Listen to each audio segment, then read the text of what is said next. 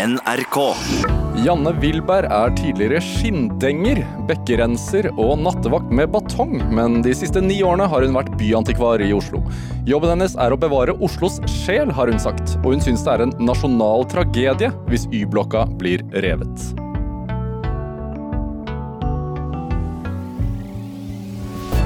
Dette er Drivkraft med Vegard Larsen i NRK P2.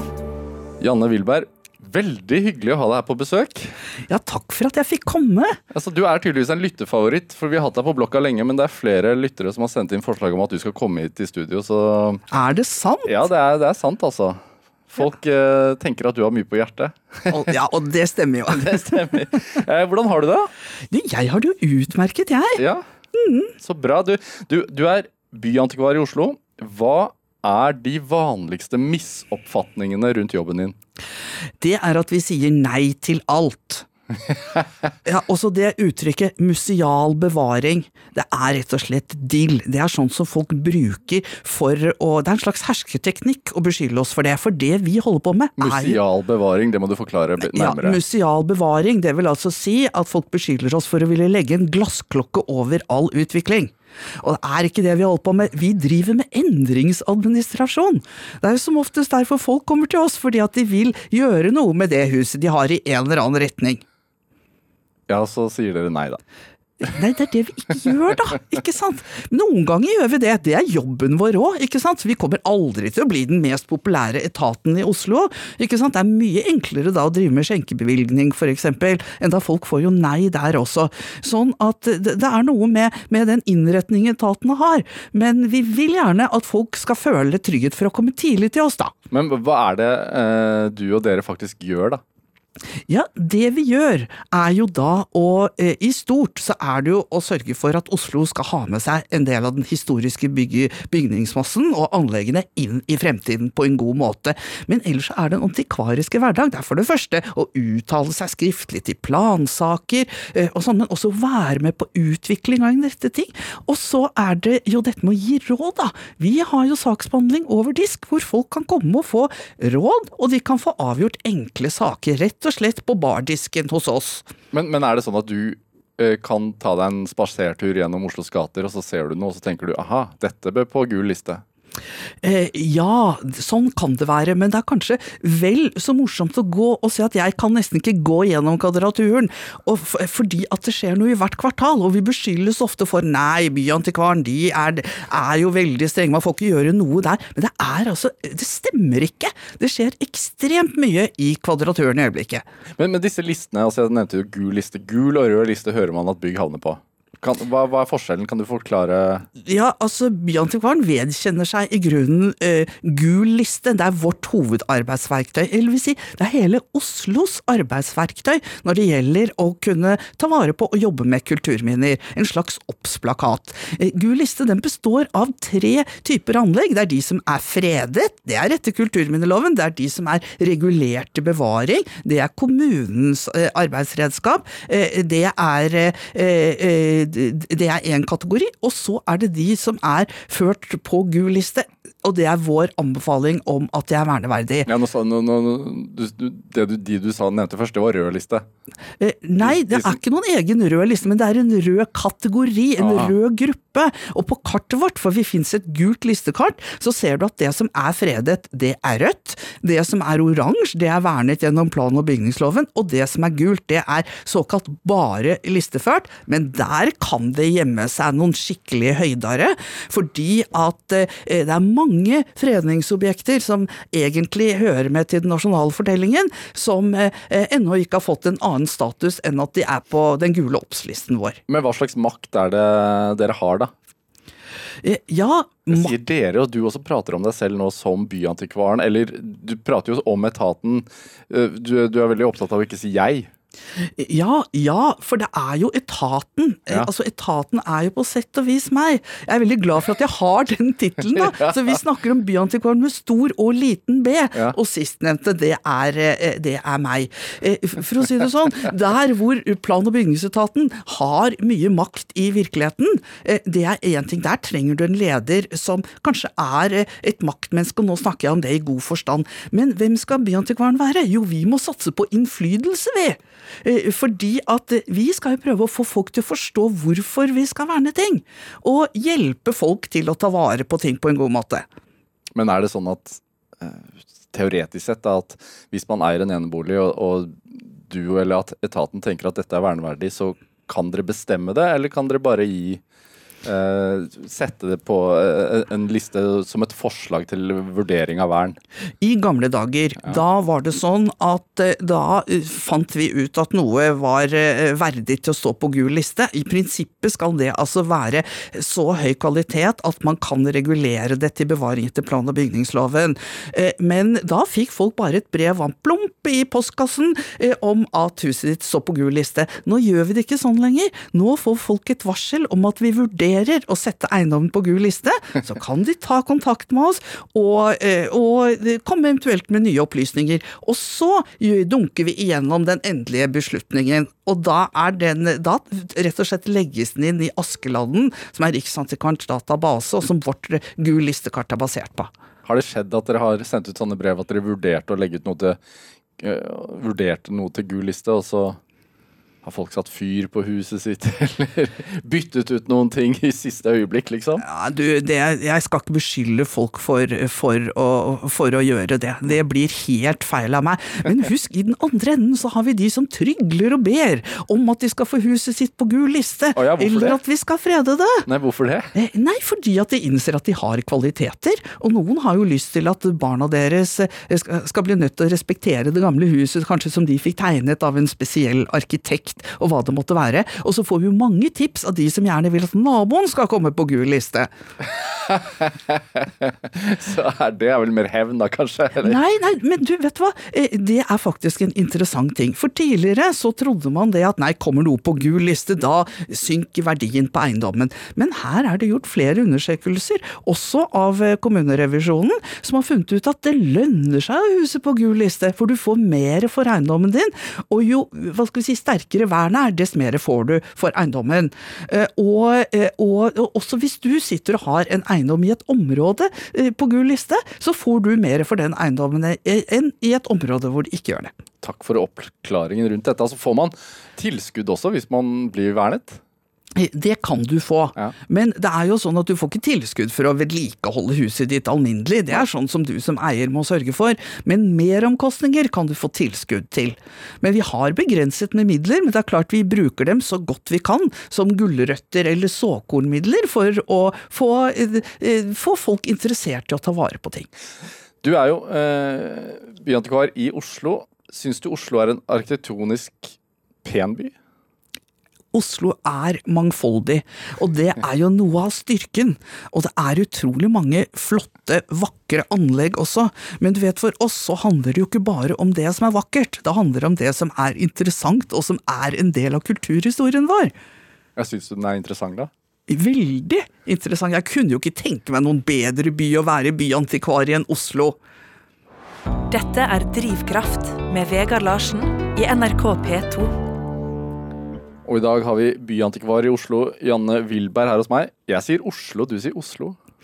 Ja, det gjør jeg, men du vet, jeg kommer fra en familie, eh, og jeg hadde besteforeldre som var veldig opptatt av riksmål, sånn at du fikk ikke sitte ved søndagsbordet der uten å, å si Oslo. Men tenker du at jeg slurver? Nei, altså jeg har jo en mann som også sier Oslo, for han er fra Keiserløkka, så jeg har akseptert det, men bare jeg kan ikke si det selv, da. Som byantikvar så skaper du jo både glede og forargelse, som vi allerede har vært innom. Eh, og i 2011, da du hadde hatt jobben din i et halvt år, så uttalte Olav Thon, altså en av de aller største på eiendom i byen her, han eh, uttalte til DN at vi har en byantikvar som er så hinsides og jævlig at det overgår alt, sa godeste Thon en gang. Hva, hva utløste dette raseriet?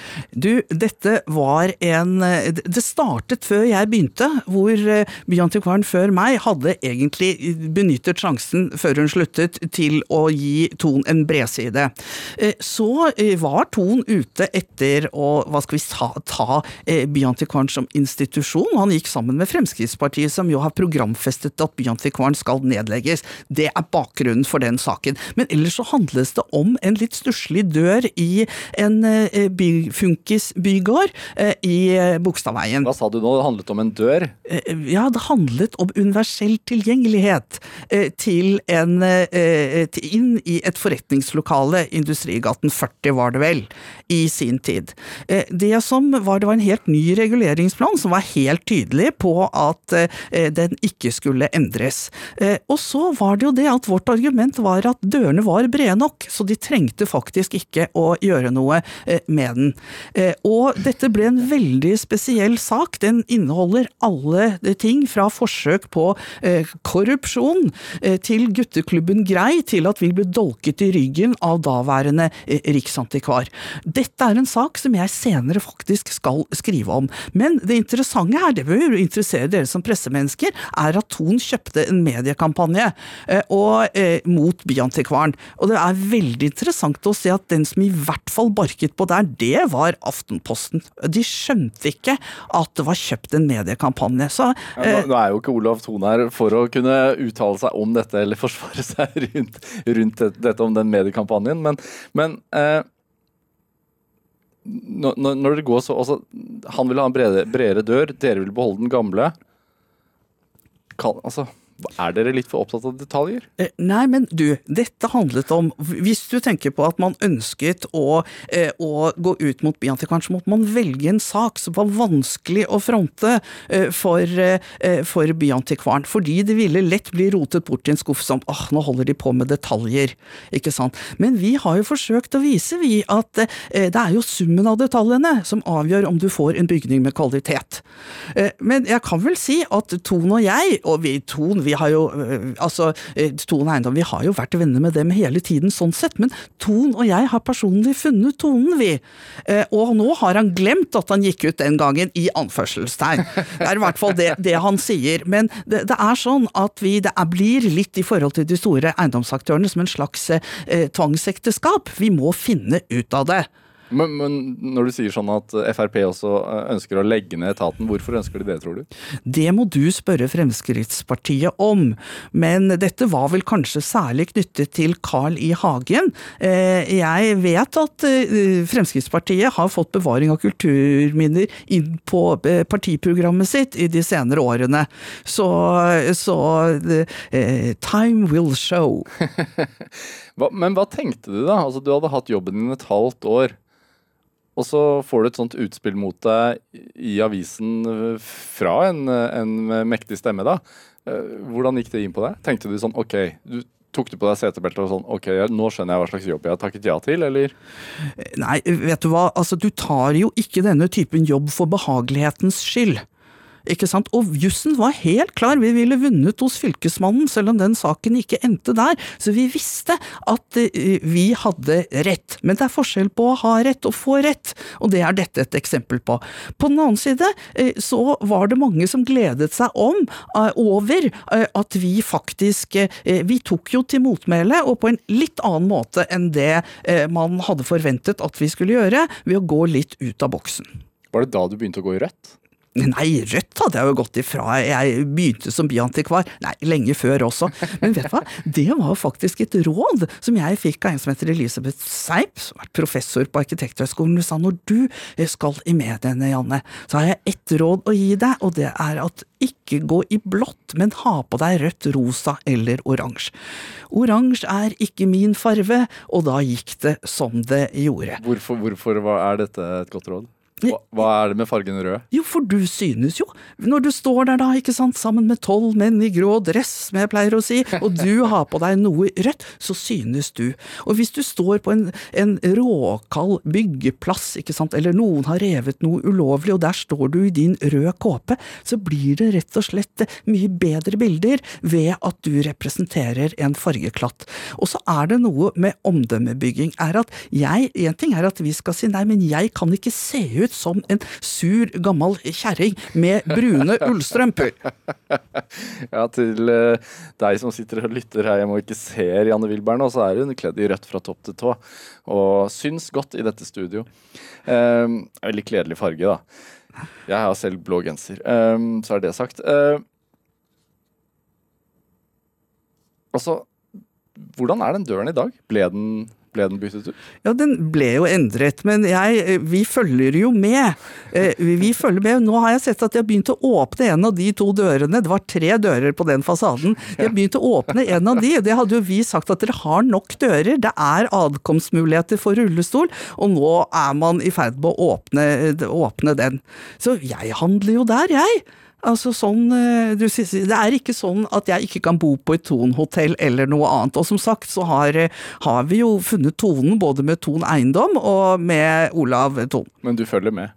Selvfølgelig. Men kan eh, dette detaljnivået gå helt ned til liksom dørhåndtak? I prinsippet kan det det, men, men, for å si det sånn, det er jo gjerne de som søker råd. Hva kan jeg bruke her for at det skal se fint ut? Men det er klart det er forskjell på hvilke verdier som knytter seg til hvilken bygning. Vi er strengere der hvor det er snakk om fredet anlegg, eller hvor de som står på gul liste, men ikke er fredet, åpenbart har klare frednings, eh, fredningsverdier. Men det er ikke håndtak det handler om. Det handler om sammen med eierne å prøve å skape noe fint og forene foredle, kanskje ta tilbake eh, kvaliteter som har vært der før. Men hvorfor er du så opptatt av å bevare dette gamle, da? Jo, fordi det er jo en kvalitet, ikke sant. Det er noe positivt i tilværelsen.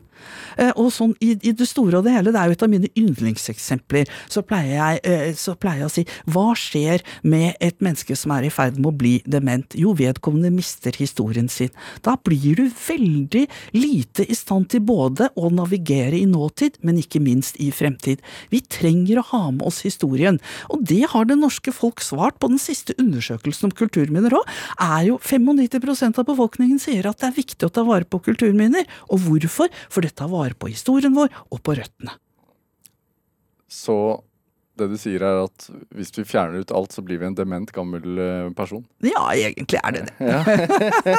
Nei da, men vi vet jo, det er bare å lese The Guardian i de siste dagene, eh, og sånn så ser man jo at folkehelseperspektivet i byutvikling og det med å ha med seg historien faktisk er viktig. Tror du man blir lykkeligere av å bo i en by med kulturminner og, som er bevart? Ja, helt åpenbart. Hvorfor det?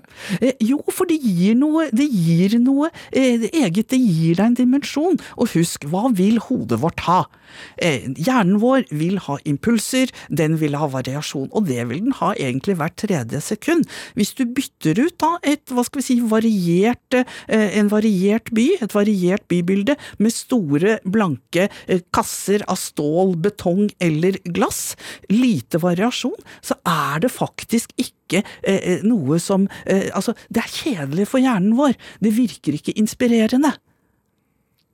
Og det er viktig at det er? Ja, selvfølgelig. Altså sånn, Det er med skoler også. Hvis du lar alle skoleinteriører være eh, hvite, hvordan skal du da få kreativiteten og innovasjonen til å blomstre i norske skoler? det, har du eh, denne døren er jo et eksempel, men, men, har du eksempler på bygg som ikke ville vært der i hovedstaden i dag hvis byantikvaren ikke hadde fått gjennom vilja si? Eh, ja eh, Det er for å si Jeg har bare lyst til å si at eh, Byantikvaren, vi er en av flere motstemmer. Det blir helt feil hvis vi skal ta eh, Hva skal vi si eh, la, eh, la, være la, Hva skal vi si ta all æren selv.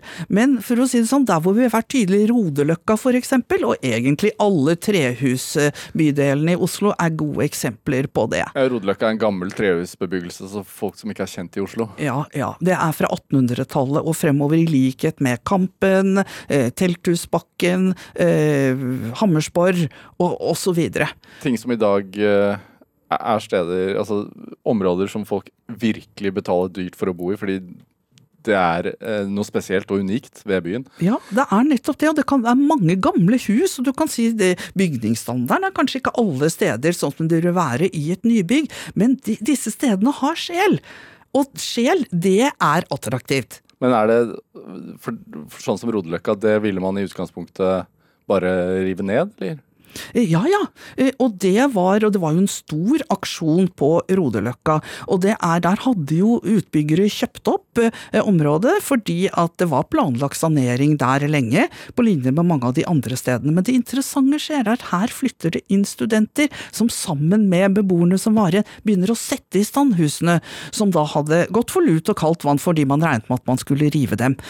Og dermed så ble det vanskeligere og vanskeligere for politikerne å si at vi skal rive dette, det som åpenbart var etter hvert en blomstrende oase med pene trehus osv. Men vet du hva, det var så sterkt at folk ble satt i fengsel for å aksjonere her. Er det sant? Folk ble satt i fengsel, og folk fikk store bøter for å kjempe for dette. Hvordan da? Lenket de seg fast, eller hva var det som skjedde? Eh, Ja, eller okkupert, de bodde i hus da, som, osv. så videre. Hvem var det som ville ha de bort og ned, da?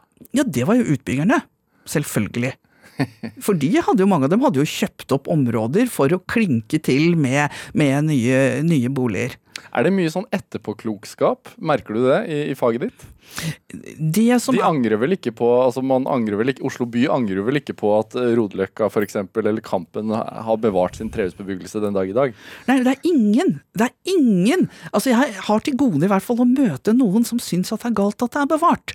Og det er jo det som, som er med på å begrunne at vi kjemper for, for tingene, da. Og kirkeristen er jo et annet eksempel på noe som har vært vedtatt revet eh, to ganger, og som veldig mange i byen har et forhold til. Hvorfor ville dere gjøre det? Ja, det var fordi man gjerne ville ha noe nytt, da. Og man syntes ikke dette var så veldig verdige omgivelser til, eh, til eh, domkirken, blant annet. Ja, Kirkevisen ligger jo da midt, midt i Oslo sentrum, altså rett ved Karl Johan og med domkirken foran seg. For de som ikke vet det. Um, er det noe bygg du skulle sett aldri ble revet? Altså, sånn ble det. Og som ble det? Ja, Restaurant Skansen, vil jeg si, som var et hovedverk i norsk funksjonalisme, eh, tegnet av eh, arkitekt Bakker. Altså, det var et fantastisk bygg. Riktignok lå det eh, på det stedet hvor den gamle militære Skansen hadde ligget. Det ligger jo i navnet, ikke sant? Det ligger ved Akershus festning. Ja, og det er en del av Akershus festning, faktisk, den skansen som, som lå der. Men det utrolige var at det var daværende riksantikvar som kjempet gjennom at man skulle rydde opp i festningens forterreng.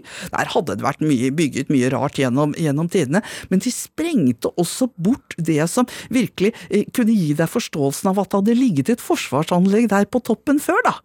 Så det er helt ufattelig. Det ville vi aldri gjort i dag. Ehm, for deg som lytter og ikke har sett disse byggene, så, så skal jeg legge ut uh, bilder av disse byggene på min Instagram-konto NRK Larsen. Så følg gjerne der etterpå, så har du muligheten til å se hvilke bygg Wilberg prater om. Er det andre bygg du angrer på, eller har liksom vondt i, i magen av at det er blitt borte? Ja, det, det er klart det er noe som heter Gamle Hammersborg skole, som var altså egentlig bygget som katedralskole, eh, og som jo også var egentlig helt uforståelig at man skulle få lov til å rive det bygget. Og det var også en interessant eh, kampsak, for det var første gang arkitektstudenter, virkelig i Oslo i hvert fall, begynte å, inter, eh, å interessere seg for en type bevaring, og hvor folk kommer fra hele landet for å a- aksjonere, og man okkuperte dette huset, og så, og så videre. Så bygg engasjerer. Bygg engasjerer. Det gjør det. Dette er Drivkraft med Vegard Larsen i NRK P2. Og i dag så har vi byantikvar i Oslo, Janne Wilberg, her hos meg. Vi har pratet om bygg som har blitt borte, og bygg som heldigvis har blitt stående uh, i hovedstaden. Du, du ble byantikvar i ganske voksen alder. Ja, altså noen er late bloomers, og jeg er blant dem. På, på den annen side, jeg har jo den der gammeldagse tittelen, det fins ikke lenger, magister i kunsthistorie, og det er altså nesten ni års universitetsutdanning. Ja, så Bakgrunnen var i orden. Bakgrunnen var i orden, så det tok jo litt, tok litt tid før jeg bestemte meg for hva jeg skulle gjøre. Og så tar det jo lang tid å bli ferdig, men vi jobbet jo under, under studiene. Men det er jo litt morsomt da at jeg, da jeg var ferdig, da var jeg vel 36 år eller noe sånt, så spurte jeg mannen, jeg lurer på om det blir noe karriere på meg noen gang. Så, så jeg bare oppfordrer alle andre eh, som er, hva skal vi si, i litt moden alder, ikke gi opp, her er det masse muligheter. Men du var engasjert innenfor kunsthistorie. Hvorfor har det vært et felt du har eh, brent for? Eh, Ja, kunsthistorie, det er, jeg tror det passer faktisk veldig godt. Jeg er jo vokst opp i et hjem som har vært opptatt både av historie og av kunst, så det er kanskje ikke så rart. Og så er det, men jeg har jo valgt meg arkitekturdelen av kunsthistorie, og det er mye mer arkitektur der enn folk flest er klar over. Men stemmer det at du har vært nattevakt med batong? Ja, og på NRK blant annet. Ja, her på huset, ja. Eh, Ja ja, her eh, fortrinnsvis ute, da.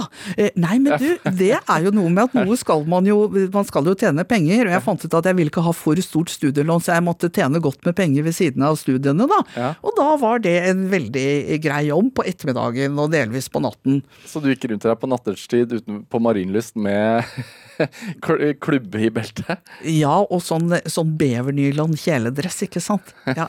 Det er ikke akkurat det plagget jeg ville velge meg sånn eh, til daglig ellers. Måtte du bruke den noen gang?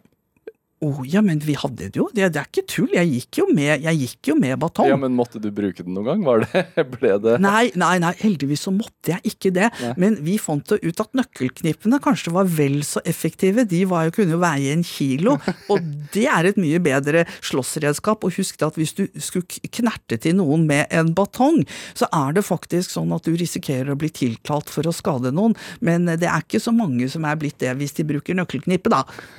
Du, det har også vært skinndenger. Ja, da, hva i all verden er det? Ja, vet du hva, det er rett og slett Det, det var den gangen man hadde skinnauksjon i Oslo, og egentlig forskjellige steder i Norden er det bare Moskva igjen. Og det var det stedet hvor eh, de som produserte skinn, altså mink og reveskinn, eh, kunne selge det til utenlandske oppkjøpere. Og så kom de, og så skulle de jo da se på et utvalg av skinnene, og da var det vår jobb da å løfte ned svære skinnebunter og legge dem på en bestemt måte så eh, skinnoppkjøperne kunne gå gjennom. En enkel eh, jobb for oss på gulvet, kan man si. Ja, men luktet det Hvordan luktet det i det rommet? Ja, det er ikke så ille. Nei da. Altså, sånn, ellers er jo garvevirksomhet er jo kjent for å ikke lukte spesielt godt, men, eh, men eh, det var nok gjort en del med de skinnene, tenker jeg. Så det var ikke sånn Jeg husker ikke den lukten, da. Nei. Men det er både Begge, begge de yrkene er jo er litt sånn tøffe yrker, da. Må, er, må man være litt uredd for å ta på seg jobben som byantikvar? Det tror jeg du må være, og du må tåle å stå i det. Du må rett og slett ha litt psykisk styrke. Fordi at det er jo ikke noen som er gjort av jern. Altså, Man kan ta ting innover seg, og man kan grue seg, selvfølgelig. Det er naturlig at man gjør det hvis man står i en vanskelig situasjon.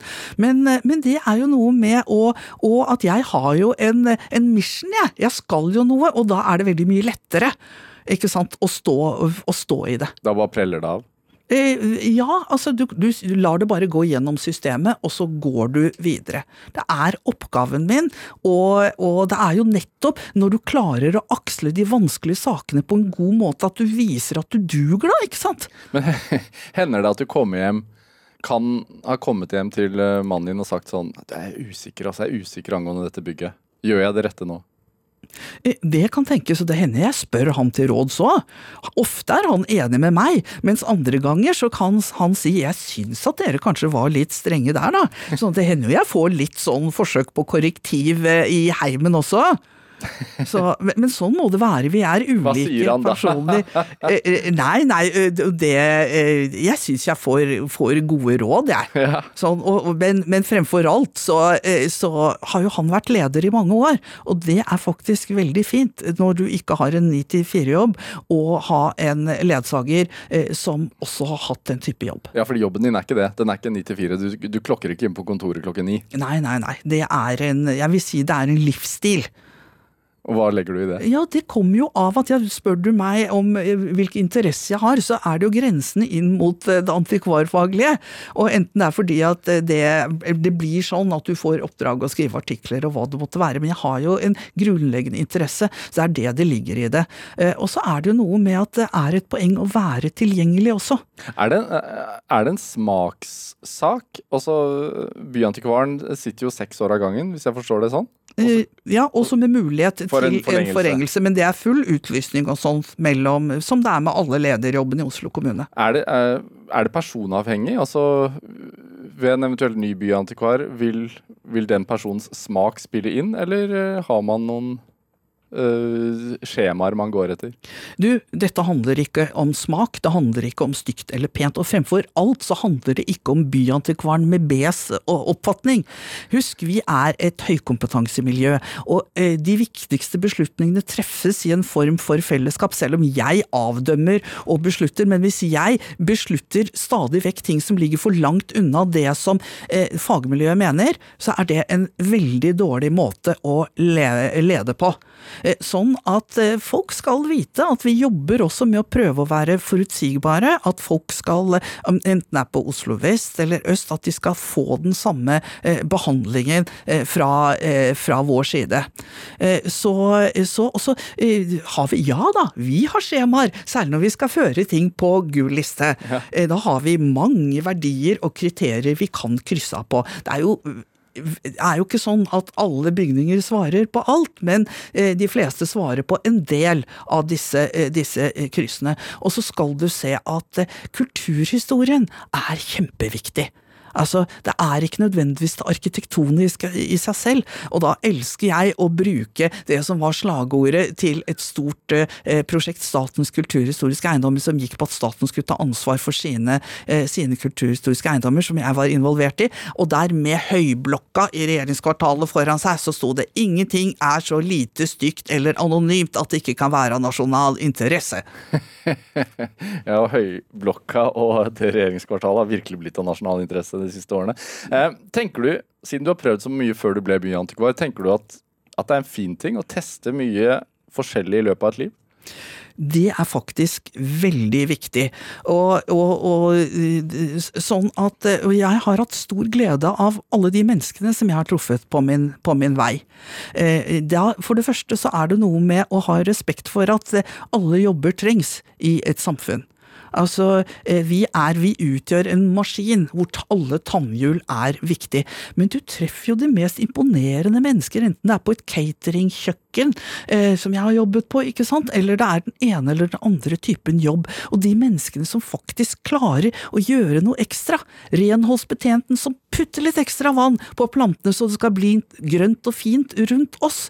Og det ligger veldig mye eh, læring i i det, og forstå hva det er som motiverer mennesker. Og det er jo den typen mennesker vi kanskje burde omgi oss med, de som klarer det lille ekstra. Og trives i altså det, Jeg vet ikke om jeg leser deg rett, men jeg har et inntrykk av at du har evnen til å liksom trives i ethvert yrke du har hatt. Vet du hva, Det er riktig, og det tror det må være en nysgjerrighet. Eh, og, og, jeg er jo glad i mennesker. Jeg har jo postulert at jeg ikke er folkelig, men det er bare fordi jeg egentlig ikke liker danseband og, og, og den typen ting. Men menneskene liker vi um, jeg spurte om du kunne ta med en låt hit i dag. Og, og, jeg sa kan du ta med en, en låt hit som sier noe om deg? Og du, du valgte jo selvfølgelig en gammel låt, en, en låt fra 42. Snakker Evert Taube og, og, 'Rosa på ball'. Hvorfor, hvorfor, den låta? Ja, altså, jeg kunne valgt mye. Jeg kunne valgt flotte arier fra opera. Eh, altså, det er mange ting jeg er interessert i, men 'Rosa på ball' er blitt min signaturlåt. Eh, og den er sånn alle vet at ingen fest uten rosa på ball, enten det er på jobb eller eh, altså jobbfester eller ikke, den hører med. Og det er fordi at den er en del av sangtradisjonen. Jeg mener at det er viktig å ta med seg den i samme sammenheng, så du får ingen julelunsj hos Byantikvaren uten at det synges. ok, her er Evert Taube med 'Rosa på ball'.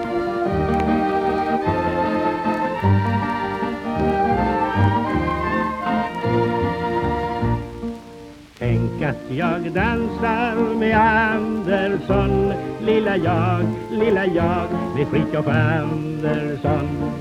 Tänk att bli uppbjuden av en sån populär person. Tänk vilket underbart liv det ni för. Säg mig, hur känns det att vara charmör? Sjöman och cowboymusiker, det kan vel aldri bli trist. Nej, aldrig trist frøken Rosa har man som er kavaljer. Vaktdagen steller min kosa aldrig forglemmer jeg er. Ni er en sångmö från helig Karlsberg frøken Rosa, er linje, er ferd. Skuldran, profilen, med lockarnas krans. Ögonens varma glans. Tänk inspirera herr Andersson. Lilla jag inspirera Fritiof Andersson. Får jag kan hända min egen Du hører på Drivkraft på NRK P2, og i dag så har vi byantikvar Janne Wilberg her, og det var hun som hadde valgt uh, låten du akkurat hørte, altså Evert Taubes uh, 'Rosa på ball'. Du vugget liksom litt med her? Ja, ja, ja. Det er jo en fantastisk sang. Men du sa, du sa også under, under, spillingen her at det er ikke den beste versjonen? Nei, det er jo ikke det, men, men allikevel så er den jo fin fordi at du hører Taube selv. Og det er jo også en, en verdi, stemmene fra fortiden. Eh, før musikken her så snakket vi så vidt om regjeringskvartalet og Høyhuset, da, mm. som fremdeles står under presenning. Eh, hvis jeg, sist jeg gikk forbi der, i hvert fall. Men jeg vet at du engasjerer deg veldig sterkt i vernet av Y-blokka. Eh, hvor, hvor, stort tap er det for Oslos sjel, for å bruke de ordene, hvis Y-blokka blir revet, tenker du? Jeg tenker det er en nasjonal eh, tragedie. Eh, og det er eh, Alle fagfolk er jo enig i det. Men jeg innser også at det var mye enklere å elske et militærhospital fra 1802 enn det det er for Y-blokka, for den krever litt kunnskaper, og også at du går ned og klapper på den og ser på hvilke kvaliteter som gjemmer seg blant det bygget. Hvilke kvaliteter gjemmer seg blant det bygget? Arkitektonisk, ikke sant, og kunstnerisk ikke sant, med, de, med utsmykningen som er her. Og de er en symbiose. Det er sånn ved å fjerne kunsten fra bygningen, så det, altså, det er riv ruskende galt. Vi kjemper jo ellers for å beholde Edvard Munchs fresker inne i Freia-salen, at den ikke ble solgt til utlandet f.eks. Det er i prinsipp ikke noe annerledes det vi snakker om her. Men selve bygget, da? Ja, bygget har jo fantastiske kvaliteter innvendig, man må gi det også, eh, og det har ikke kommet så veldig godt frem. Eh, og, men det er jo andre ting ved, eh, ved og, Jo, også én ting så er det jo sammenhengen mellom Y-blokka og Høyblokka.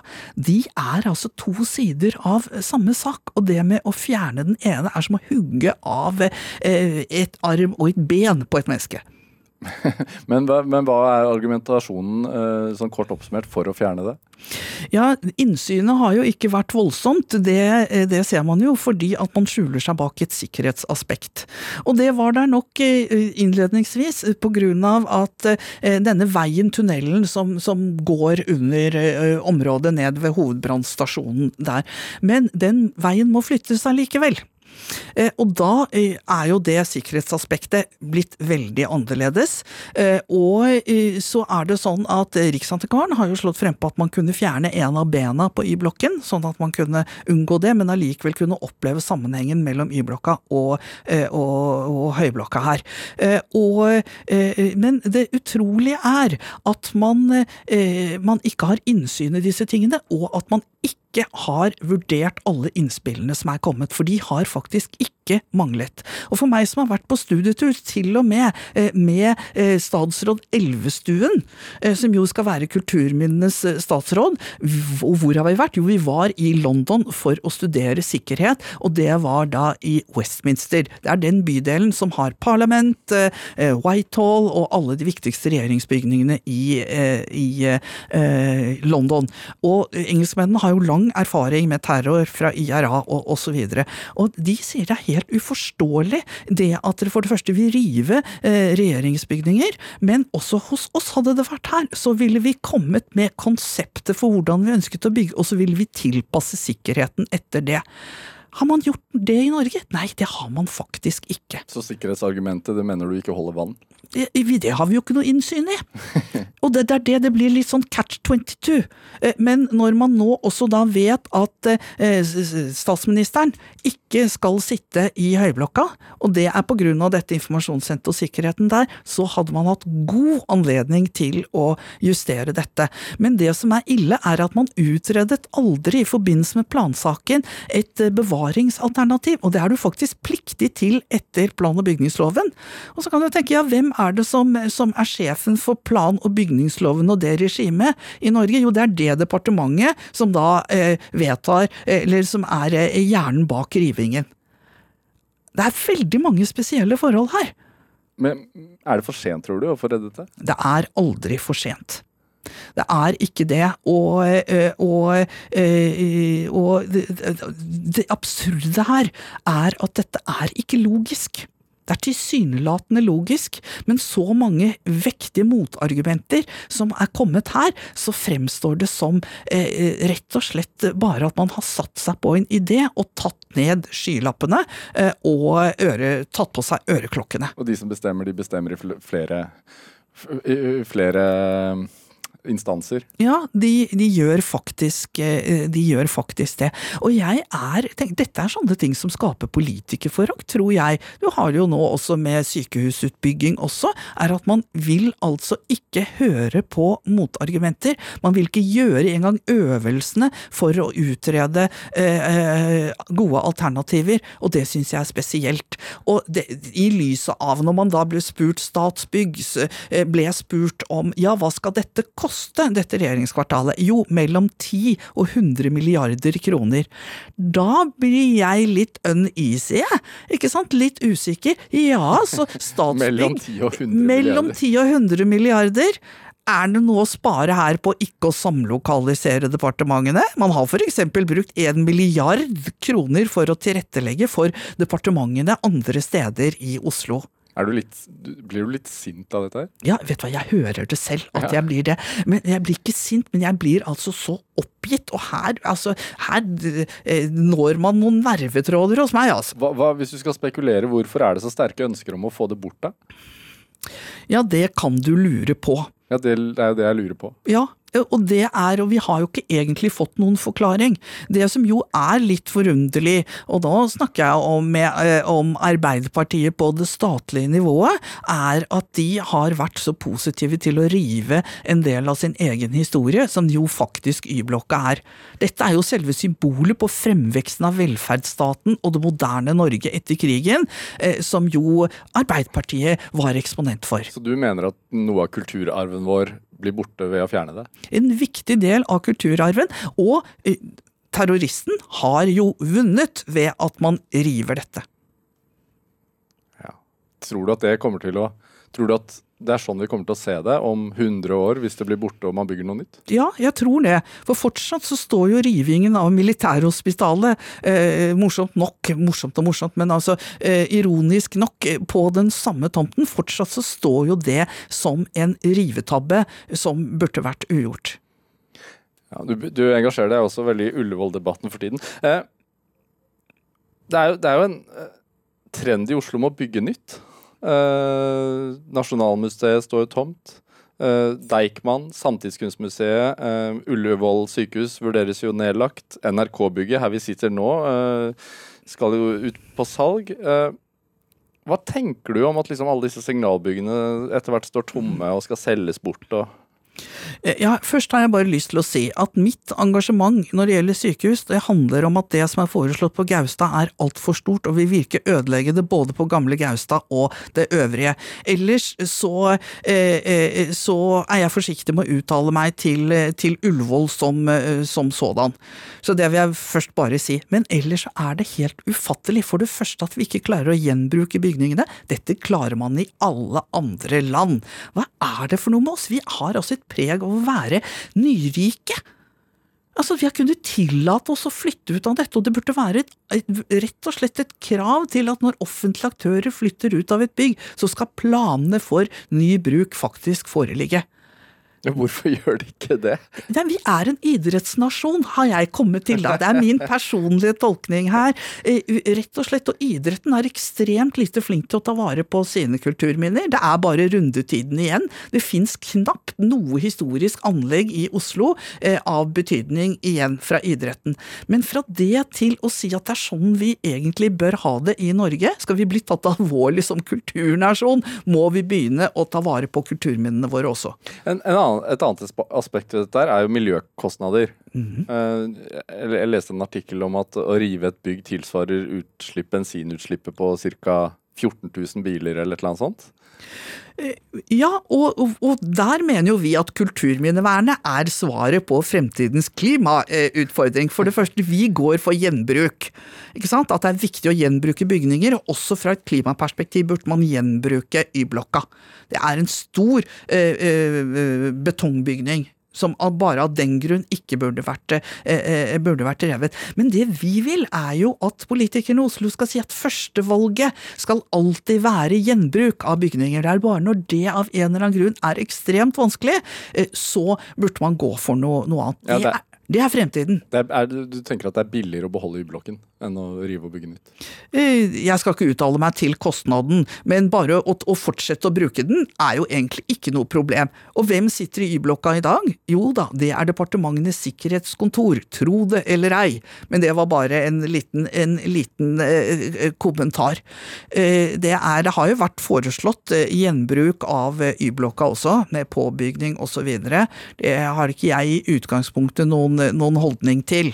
Men for å si det sånn, vi vil jo gjerne at det som vi har på våre lister skal bli respektert eh, som eh, bygninger og de kulturminnene det er, og særlig hvis de er av høy, eh, høy verdi.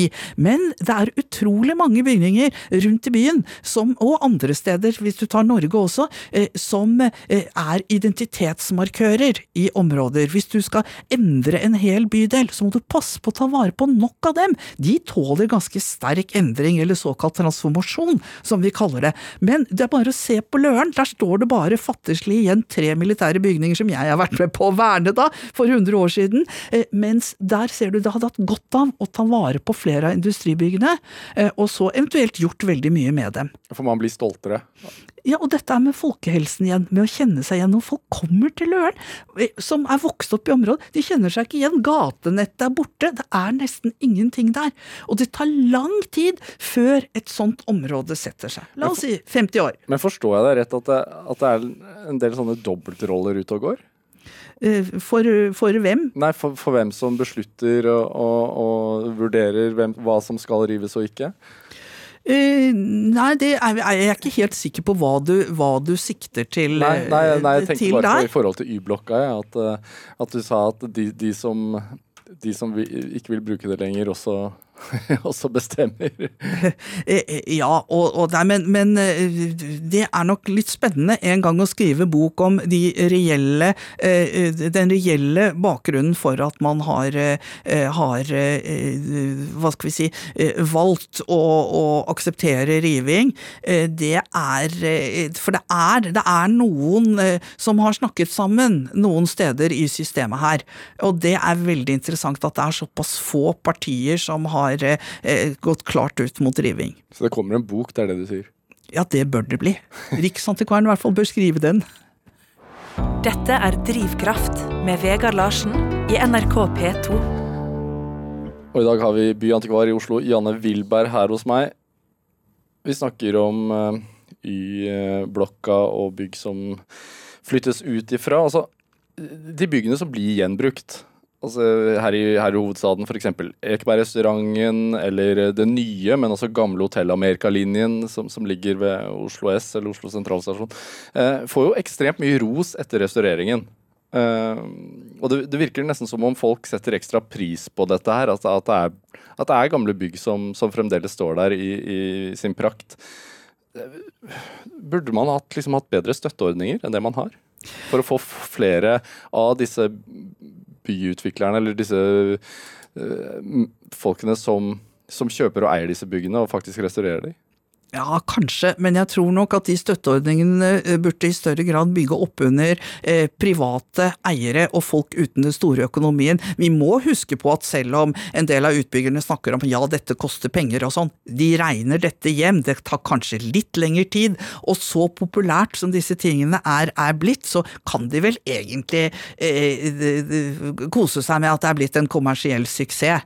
Eh, og det er jo, og vi, vi gleder oss over det, at eh, bygninger settes i stand, foredles og tas vare på for, for fremtiden. Det er den typen prosjekter vi er glad i, hvor vi kan stå og være like stolte som eieren når et hotell åpner, en restaurant åpner, eller hva det, eller hva det måtte være. Ja, Sånn som Amerikalinjen, hotellet til Petter Stordalen som, som, ligger ved Oslo sentralstasjon. Der var du involvert?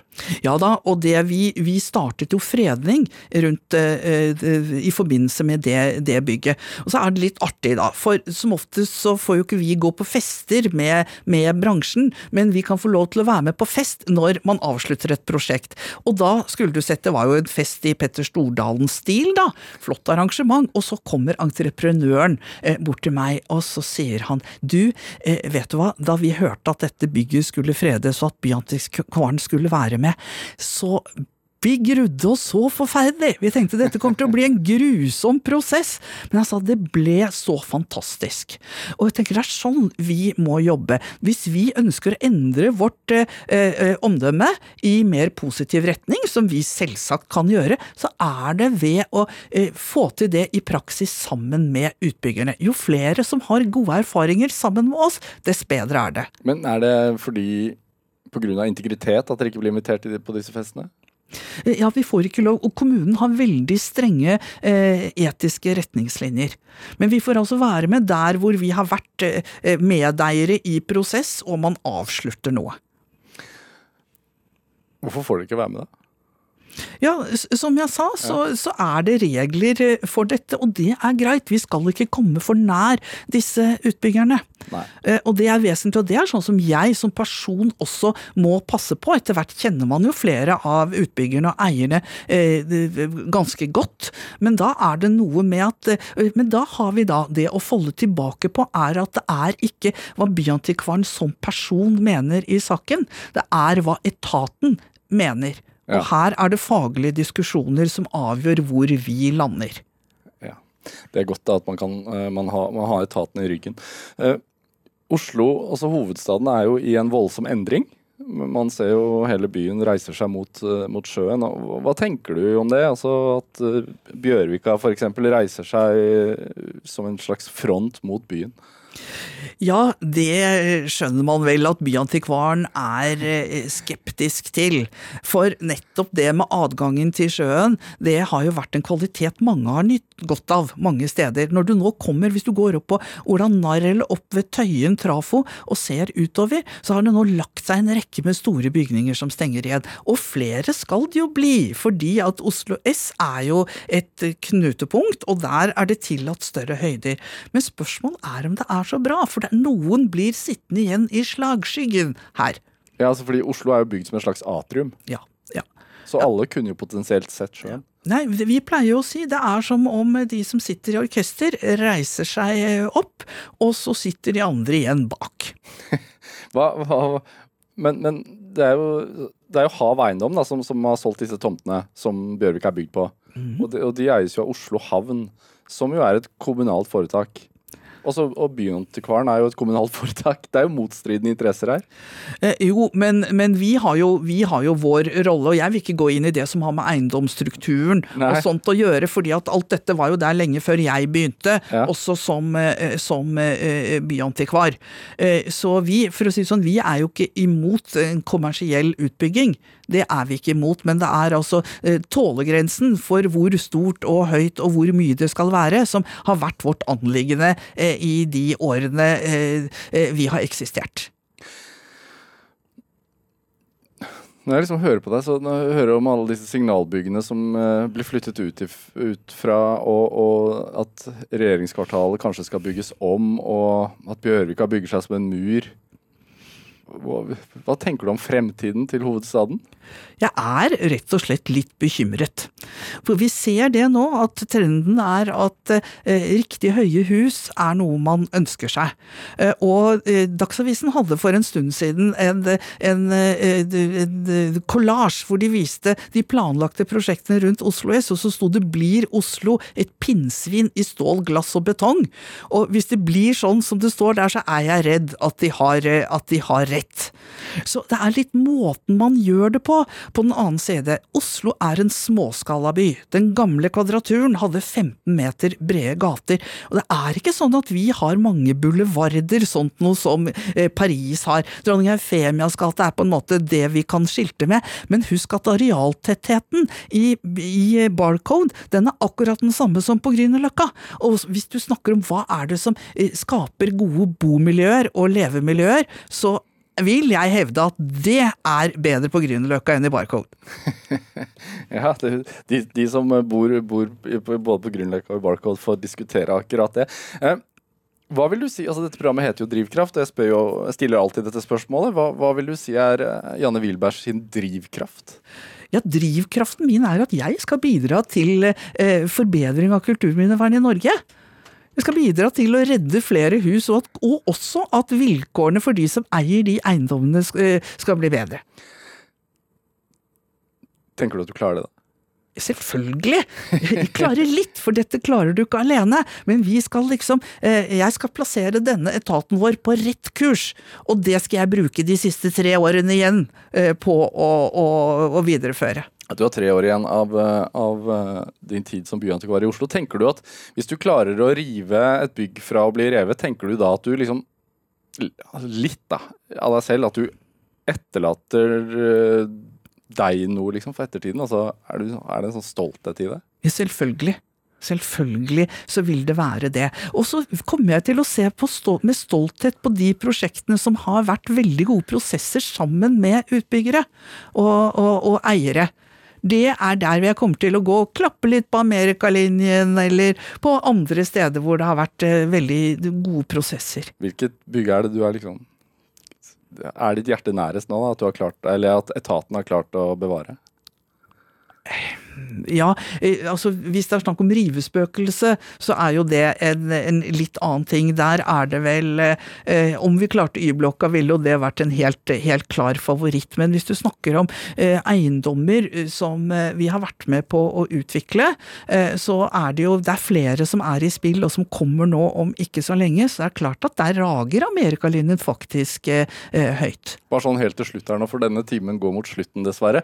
Når er det man kan eh, se slaget enten få vunnet eller tapt angående Y-blokka, da? 8.11 skal Fylkesmannen ha fattet eh, en beslutning, hvis ikke det blir en utsettelse der. Så det er jo fryktelig spennende å følge med på det. Blir du i lenker foran, hvis Nei, altså Politikerne i Oslo har jo sagt ja til å rive denne, sånn at jeg blir ikke eh, sittende i lenker der. Det kan jeg ikke gjøre. Eh, på den annen side, jeg kommer nok til å gå og se på lenkegjengen. Janne Wilberg, tusen takk for at du kom til Drivkraft. Takk.